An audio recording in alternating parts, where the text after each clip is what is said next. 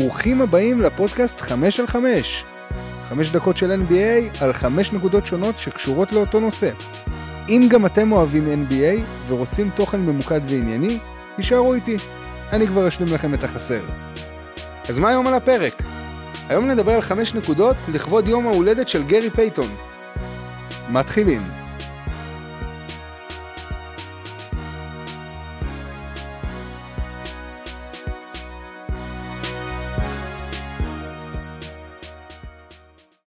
הכינוי הכפפה. פייתון זכה לכינוי המפורסם הכפפה בשל כישורי ההגנה יוצאי הדופן שלו. הוא ידוע בהגנה עיקשת, בידיים מהירות וביכולת לשבש יריבים עם trash talk אימתני. הכינוי ניתן לו על ידי חבר ילדות שראה כיצד כושר ההגנה שלו דומה לכפפה אדוקה. הכפפה ימשיך להפוך לאחד הכינויים האיקוניים ביותר בתולדות ה-NBA, וימשיך לסמל את הגנת הנעילה של פייתון ולייחד אותו כאחד משחקני ההגנה הגדולים בכל הזמנים. כוכב קולג' לפני שהטביע את חותמו ב-NBA, לפייתון הייתה קריירת קולג' מפוארת באוניברסיטת אורגון סטייט. הוא שיחק ארבע שנים באורגון והפך לאחד הגארדים הדומיננטיים ביותר בכדורסל המכללות בסוף שנות ה-80. ההשפעה של פייתון הורגשה משני צידי המגרש, וזיכתה אותו במספר שבחים והכרה כ-All American בשנתו האחרונה.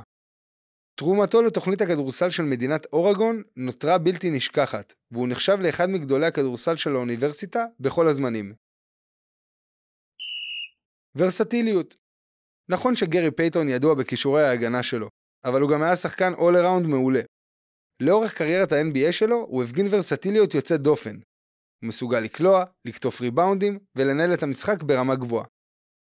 פייתון רשם כמות מרשימה לתקופתו של 28 טריפל דאבלים בקריירה, מה שהדגיש את היכולת שלו להשפיע על המשחק במספר דרכים.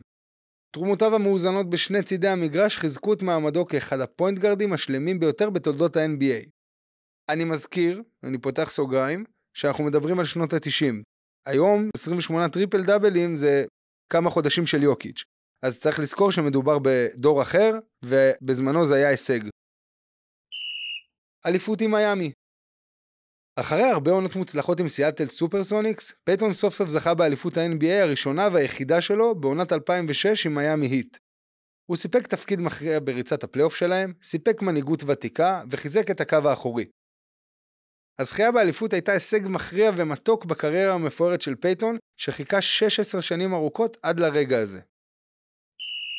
מיזמים לאחר הפרישה לאחר פרישתו מה-NBA ב-2007, גרי פייתון נשאר מעורב בעולם הכדורסל, אם כי בתפקיד אחר.